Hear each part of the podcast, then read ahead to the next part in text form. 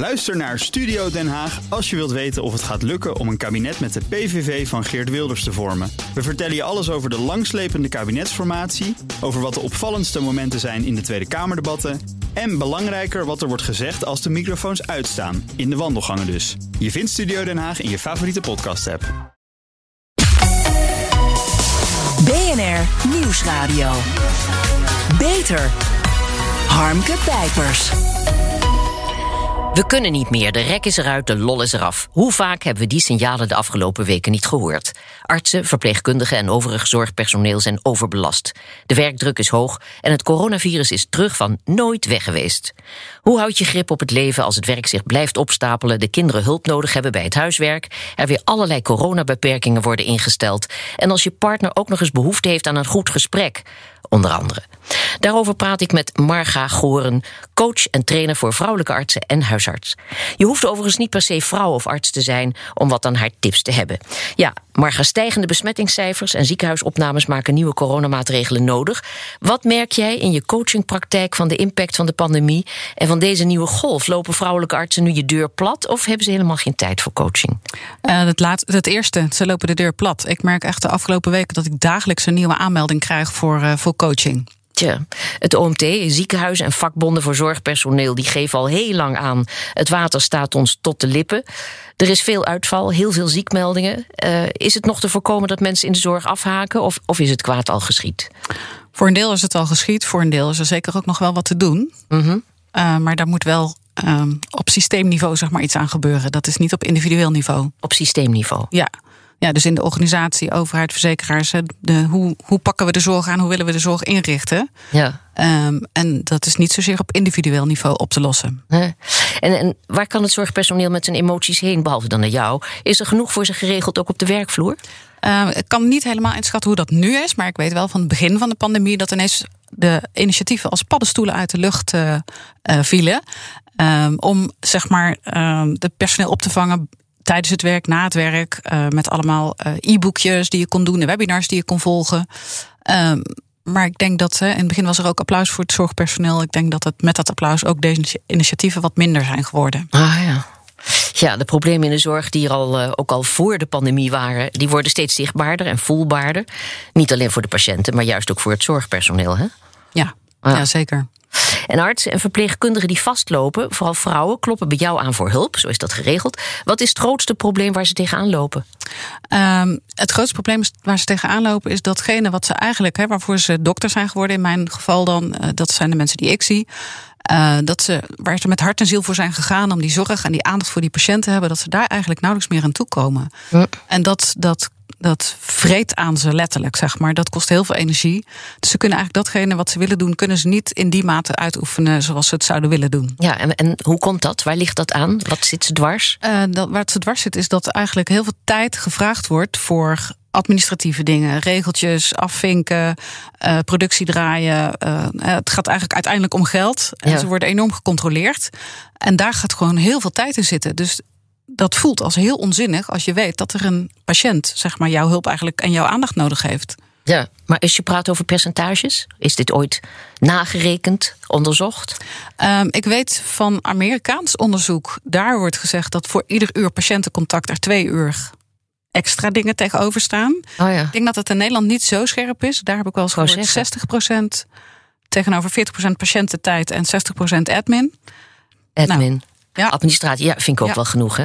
Nee, maar dat, dat, dat vreet aan iemand. Als je weet, hè, ik heb eigenlijk meer tijd nodig met die patiënt die misschien een slechte diagnose heeft. Ik zou graag samen een behandelplan willen bespreken. Uh, ik wil er echt even zijn voor die persoon. Ja, dat kan niet, want de volgende zit alweer klaar. En dan ja. moeten gewoon zoveel mensen op een ochtend worden gezien. Ja, die administratie, die hele romslomp, patiënten ja. zien, productie draaien. Ja. Daar hebben ze zelf dus maar weinig invloed op. Hè? Hoe, hoe, kun je dan, uh, hoe kun je ze dan toch helpen als ze vastlopen? Um, ten eerste uh, om ze te laten inzien dat het niet aan hen ligt. Mhm. Mm -hmm. Want het voelt vaak heel persoonlijk. Hè? Ik kan het niet. Ik ben blijkbaar niet goed ja. genoeg om dit aan te kunnen. Het ik... is al heel troostrijk. Ja, uh, dus dat is bijna het eerste waar we mee aan de slag gaan. Uh, om te laten inzien dat het meer dus een systeemorganisatie. Uh, nou, bijna een maatschappelijk probleem is, denk ik. Ja. Dan een individueel probleem. Ja. Um, dus dat is eigenlijk het begin. Ja. ja. Maar ja, als het nou zo is, hè, moet je het, eh, als het een garantie is voor burn-out, zo ongeveer, dit vak, moet je mensen dan wel helpen om in dit systeem te blijven? Nou, dat is een, vraag die ik mijzelf de laatste tijd steeds vaker stel. Is dit wel ethisch bijna om, hè, om mensen te helpen dat kanariepietje in de kolenmijn overeind te houden? Ja. Terwijl de kolenmijn eh, eh, toxische gassen blijft produceren. En waar gaat dit toe leiden, denk je? Ehm, ja, ik hoop dat er eerder inzicht komt. Maar het zou ook kunnen zijn dat het zeg maar eh, uit elkaar valt. En dat we dan van- vanaf de grond weer moeten opbouwen. Het lastige is, denk ik, of nou ja, misschien ook weer het goede. Ehm, maar mensen in de zorg, en ik denk dat hetzelfde geldt voor mensen in het onderwijs. Die hebben zo'n hart voor mensen, dus die gaan maar door. Ja. Maar deze artsen die in de knel raken, die hebben geen burn-out, zeg jij. Maar ze lijden aan wat jij noemt moral injury. Ja, en, eh, dat noem ik expres want burn-out klinkt heel erg als een... Hè, dat is iets wat jij bent opgebrand, Ja. dus jij doet iets niet goed. En ik denk dat het veel meer gaat over moral injury. Dus ehm, je, doet, je weet eigenlijk wat je wil doen, die aandacht aan de patiënt geven... en je kan het niet, je wordt beperkt door dingen van buitenaf... en waar je dan zelf ook nog eens geen invloed op hebt. Ja. Dat is niet te doen, zeg maar. Hè. Dat is... Dat moreel is dat niet te dragen. Dus je hebt je waarden. En in de praktijk kan je die gewoon niet tot uitvoer brengen. Of zijn er zelfs voor jouw gevoel eh, tegengestelde waarden. Dus bij wijze van spreken, de organisatie kijkt naar geld. Ja. En jij kijkt naar mensen. En dus je bent dat hele gevoel van menselijkheid in de organisatie kwijt. Tja. Maar wat moet er gebeuren om te zorgen dat een arts datgene kan doen waar zij, we hebben het nog steeds over vrouwelijke artsen, hè, met hart en ziel voor heeft gekozen? Ehm, ja, ik denk dat er gewoon een, een, een andere kijk op de zorg moet komen. Een soort bijna een, een deltaplan, denk ik. Zo wordt het ook wel eens genoemd. Een hele nieuwe visie op hoe wil je nou eigenlijk je gezondheidszorg doen. En daarin moeten keuzes gemaakt worden. Hè, voor wat willen we wel, wat willen we niet. Ehm, daarvoor denk ik is het ook nodig om mensen uit de praktijk... die er verstand van hebben mee te laten beslissen. Eh, en zo op organisatie of op hoger niveau, op systeemniveau, zeg maar, de veranderingen te doen. Ja. En dan ook heel erg in te zetten op het welzijn van de medewerkers. Ja. En dan, dat geldt voor alle medewerkers in de zorg. En dat, ook een maat voor je resultaten laten zijn, zeg maar. Mhm. En het is ook wetenschappelijk aangetoond dat als het welzijn van je medewerkers een factor is, dat Ja. er een return on investment is. Dus je bespaart geld als je dat doet. En de kwaliteit van zorg wordt beter voor de patiënt. Ja, het is mooi als dat allemaal gaat gebeuren. Maar moet zo'n arts die hier tegenaan loopt, hè, moet hij dan met eh, de raad van bestuur gaan praten of de barricade op? Nou, dat is heel lastig in je eentje. Ja. Eh, dus daarom is het ook goed dat er eh, initiatieven zijn. Ik denk dat daar. hè, en daarvoor moet je je wel goed genoeg voelen en energie hebben. Maar de, de initiatieven als het roer moet op, ontregelde zorg, eh, zin in zorg, wat we nu hebben van de jonge artsen die, eh, die daarmee eh, aan het werk zijn. Ja. En die kunnen allemaal helpen. En dat hoef je niet per se als individu te doen, denk ik. Maar je kan wel samen kijken wat kunnen we ook van onderaf, zeg maar, veranderen. Ja, samen. Jij begeleidt vrouwelijke artsen. Die hebben misschien wel meer last van de hoge werkdruk dan mannen, zeg jij. Ehm, ja, hoe komt dat? Waar hebben, zoveel, waar hebben vrouwen zoveel meer last van dan mannen? Ehm, Ik denk dat dat niet alleen in de zorg maar is, maar in de zorg speelt het nog sterker. Maar je wordt als arts, hè, wordt van je verwacht dat je de ideale dokter bent. Dus altijd fit, altijd aanwezig, altijd patiënt op de eerste plaats en nooit je zwakte tonen. Dus dat is één kant. En dan heb je als vrouw ben je ges- gesocialiseerd. En in onze maatschappij is dat helaas nog steeds zo. Ook al vind- denken we dat het niet zo is. Maar dat je als vrouw nog steeds de ideale vrouw en de ideale moeder moet zijn. Waarbij Ja. je eigenlijk altijd aanwezig zijn moet je, met, voor je kind. En ook de emotionele kant zeg maar, van, hè, van dat gezin en zo moet, eh, moet begeleiden. En Ja. ook voor je moeder, je buurvrouw, je vriendin, je Kortom, partner. Ja, de hele rimram. En dan ook nog een sportclub of een fijne hobby. Precies. Willen we nou gewoon niet, niet gewoon te veel? Ik denk aan de ene kant dat we te veel willen. En dat is een maatschappelijk probleem, denk ik. Dat is niet alleen voor vrouwelijke artsen. Eh, maar ik denk dat bij vrouwen met name nog dat, hè, dat, dat interne dilemma speelt. Je, je moet, er worden eigenlijk twee in, eh, tegenstrijdige dingen van je verwacht. En dat is niet te doen. Nee. Je hebt twee boeken over dit thema geschreven. Inspiratie genoeg, Hart voor de dokter en Veerkracht voor vrouwelijke artsen. En ik begreep dat er voor de boekpresentatie 800 artsen waren uitgenodigd en dat er maar acht konden komen. Ja. Ja, wat zegt dat? Eh, men is te druk en zeg maar, nou ja, de, de, ik noem het maar dan even de leuke dingen van het leven. eh, die schieten er dan bij in. Gezellig met een vriendin of collega naar Ja. zo'n boekpresentatie gaan, er een etentje aan vastknopen in Amsterdam. Dat gebeurt dus niet. Nee, dus. Ja. Nee, Zeg, en worden er binnen de zorg van vrouwen andere dingen verwacht dan van mannen? ja. Eh, dus datgene wat er in de maatschappij van hen wordt verwacht, wordt ook op de werkvloer verwacht. Dus patiënten verwachten van vrouwen ook een meer empathische houding, meer begrip. En het blijkt dus ook dat vrouwen vaak meer de complexe patiënten zien en de meer nou ja, psychosociale klachten, zeg maar. En dat is natuurlijk een wisselwerking. Dus ze zijn daar ook attenter op. Maar dan trekken ze daarmee ook de patiënten aan. Die dan ook weer meer tijd kosten. Ja. Ehm, dus zo komen we. De, de verwachtingen zijn zeker anders. ja. Behalve dat deze vrouwen, is al genoemd, lief en zorgzaam moeten zijn voor de kinderen en de zieke buurvrouw, zijn ze dus ook arts. Hardwerkende, bezielde, betrokken werknemers die vooral niet zullen klagen of zuchten. Ja, dat gaat niet, hè? Nee. Nee. Vrouwen hebben, stel jij, sowieso meer en sneller last van schuldgevoel. Het idee dat ze tekortschieten. Ja, waarom doen ze dat toch? Waar komt dat vandaan? Ehm, het geldt natuurlijk niet voor alle vrouwen, maar eh, over het algemeen is het zo dat mannen vaak hun problemen externaliseren. Dus die zeggen, nou, dat ligt niet aan mij, dat ligt aan het systeem, dat ligt aan de mensen om mij heen. En vrouwen die kijken eerst van, hm, dat ligt vast aan mij. Ja. En dus is daar het schuldgevoel geboren. Ja. En, Ja. en valt dat af te leren? Eh, ja, voor een deel wel. Ja, En dat, dat is wat je in je praktijk doet? ja. Ja. Ik word nieuwsgierig. Harmke Pijpers. Werkende vrouwelijke artsen hebben te maken met andere eisen en verwachtingen dan hun mannelijke collega's. Dat in combinatie met genderspecifieke eigenschappen als overbezorgdheid, schuldgevoel en oververantwoordelijkheid maakt het risico op omvallen groter. Maar gelukkig is daar wel wat aan te doen. Daarover praat ik met Marga van Goren, niet praktiserend huisarts, maar nu coach en trainer voor vrouwelijke artsen. Ja, voor de duidelijkheid: de vrouwen over wie we het hebben houden van hun vak en ze zijn niet per ongeluk huisarts geworden, maar ze hebben heel bewust voor dit beroep gekozen, hè? Ja, zeker. Maar die passie zijn ze aan het kwijtraken. Ja. Ja. Ja. En eh, daar weet je met succes in op te treden, zodat ze weer blij terugkeren in het vak. Ik doe mijn best. Ehm, ehm, maar dat is wel natuurlijk de insteek. Om, eh, nou ja, waar we eigenlijk mee beginnen is te kijken van... is dit inderdaad de juiste keuze geweest? Past dit vak bij jou? Ben je inderdaad op de juiste plek... met de juiste eh, talenten, vaardigheden, eh, je, je, je, je visie op het leven? En als het antwoord daarop ja is, dan gaan we kijken... hoe kan je dat dan op een gezonde manier blijven doen? Ja. En als het antwoord nee is, oké, hoe kan je dan deze talenten... op een andere manier inzetten? ja. Zeg, en komt dat vaak voor dat vrouwen tot de conclusie moeten komen dat het een beetje misschien toch niet zo'n ideale ik keuze schat, is? Het lijkt me zo pijnlijk. Ja, ehm, pijnlijk en soms ook een opluchting. Ja. Ik schat in dat 10% van de mensen iets anders gaat doen. Ah, ja. En vaak nog wel, het, eh, nog wel in het vak of tegen het vak aanschurkend. Maar ehm, ja, en voor heel veel mensen is het dan ook juist een opluchting. ja, ja. En, en, en je blijft ze ook volgen? Enige tijd althans? ja, de, me- de meesten houden contact en, en laten nog eens af en toe weten als er iets verandert. Ja. Ja, ja. Zeg maar, zou het niet veel makkelijker zijn als vrouwelijke artsen zich wat meer aan hun mannelijke collega's zouden spiegelen? Want eh, ja, die mannen die laten dingen wat sneller van zich afglijden, stellen wel grenzen, zijn vaak ook wat zakelijker. Ja, dat eh, ehm, ben ik daar, dat, daar zou ik niet voor pleiten. Want ehm, dat is vaak wat er gebeurt in de wereld. Dat de vrouwen worden geacht net zoals mannen te gaan doen. Ja. Terwijl er in vrouwen een paar hele mooie eigenschappen zitten. Waarvan ik denk, nou, daar zouden mannen weer hun voordeel mee kunnen doen. Ja. Dus een mooie mix. Hè? Niet precies zoals die mannen worden. Het goed behouden en het, eh, het wat minder handige, zeg maar, proberen kwijt te raken. Dat zou ideaal zijn. Ja. Aan welke eigenschappen denken wij dan eh, speciaal? Let op mannen. Ehm, de, ehm, eh, grenzen stellen. Ja. Dus eh, meer bij jezelf blijven. Ik ben ook belangrijk. Dus wat wil ik? Hey, even nadenken over wat wil ik eigenlijk? Ja. En daar dan ook eh, voor gaan staan. Ja. Ehm, dus je eigen behoeftes zeg maar ook kennen. Want daar moeten we vaak ook nog aan werken.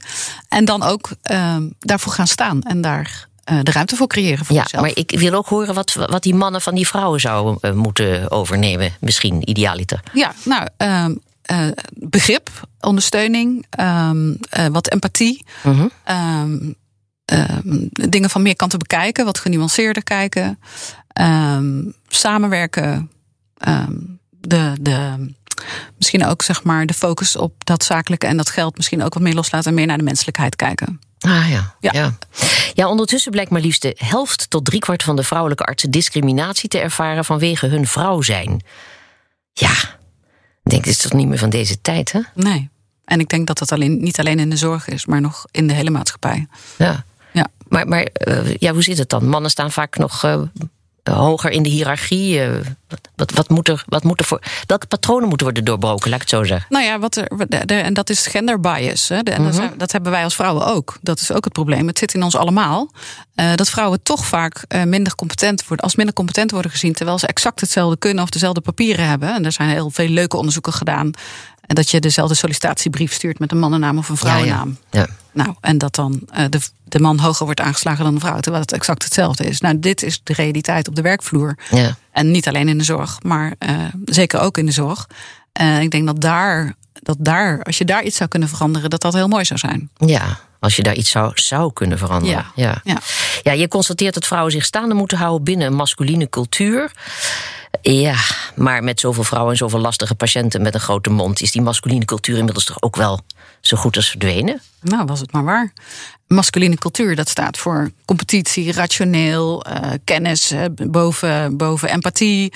Uh, dat masculine is zeker nog aanwezig in de medische cultuur. En daar word je ook um, zeg maar in opgeleid. Daar krijg je geen college over. Maar dat is het soort hidden curriculum, wordt dat wel genoemd. Daar is Ja, ja. heel veel wetenschappelijk onderzoek naar gedaan. Mm. Dus je komt erin uh, in de opleiding. En uh, steeds is de boodschap, hè, zo hoor je je te gedragen. Ja, ja. Hè, patiënt op de eerste plaats en nooit je zwakte tonen. En uh, slim zijn, rationeel. een patiënt wat op afstand houden, dan ben je de ideale dokter. Hè. Ja. Medical self wordt het ook wel genoemd. Ja, ja. Ja. Maar ja, die vrouwelijke artsen waarvan we er steeds meer krijgen, waarmee het aanzien van het vak overigens al aardig gedaald is, zoals in meer uh, beroepen, ja, vinden die een luisterend oor bij elkaar? Uh, dat zou denk ik nog wel wat meer mogen. -hmm. Zeker op bepaalde plekken wel. En ik merk het ook in mijn trainingen uh, uh, die ik geef, die wat meer dagen bevatten. Dan eh, is er ook aan tafel wordt er meer gekletst. En ook tijdens de training zelf. Ja. En dan worden er heel veel dingen gedeeld. En dan ervaren mensen dat ook als heel prettig. Eh, maar ja, die cultuur van niet je zwakte tonen, die is heel sterk. Dus ook toch, als mensen uitvallen met een burn-out, daar wordt daar toch nog een beetje op neergekeken. En toch als zwak gezien. Dus om dan aan te geven van ja, eigenlijk ben ik overbelast of ik ervaar heel veel stress, Ja. is echt wel een dingetje. Ja. Wat kunnen werkgevers doen om hun uh, personeel te ontlasten? Moeten ze juist in deze tijd niet zeggen: we laten de teugels even vieren. wat betreft al die eisen en voorwaarden die we stellen aan opleiding, administratie en dat gedoe? Hoe, hoe kan het voor vrouwelijke artsen makkelijker worden gemaakt om met uh, plezier te blijven werken, juist in deze tijd van veel stress? Ja, en de werkgevers hebben daar denk ik ook niet zo heel veel over te zeggen. Dat Mhm. is ook lastig in de zin van de, heel veel dingen zijn opgelegd door de overheid, door de verzekeraars, door Ja. het systeem wat we hebben. Dus werkgevers kunnen in die zin ook niet alles veranderen. Uh, dus het, zou nog een niveautje hoger moeten. Uh, maar werkgevers kunnen in ieder geval wel zich bewust zijn van dat deze dingen aanwezig zijn op de werkvloer. Dat dit soort dingen spelen. Dat het moral injury aan de orde is. Um, en daar aandacht voor hebben. Heel veel programma's, zeg maar, zeker ook in Amerika, die, eh, die anti-burn-out programma's, burn-out preventie, Mhm. gaan heel erg over hoe kunnen je, eh, hoe kun je uh, jou overeind houden om het allemaal te kunnen blijven doen. Ja. En, en dat zou misschien anders moeten. Hoe kunnen we je ondersteunen? Ja.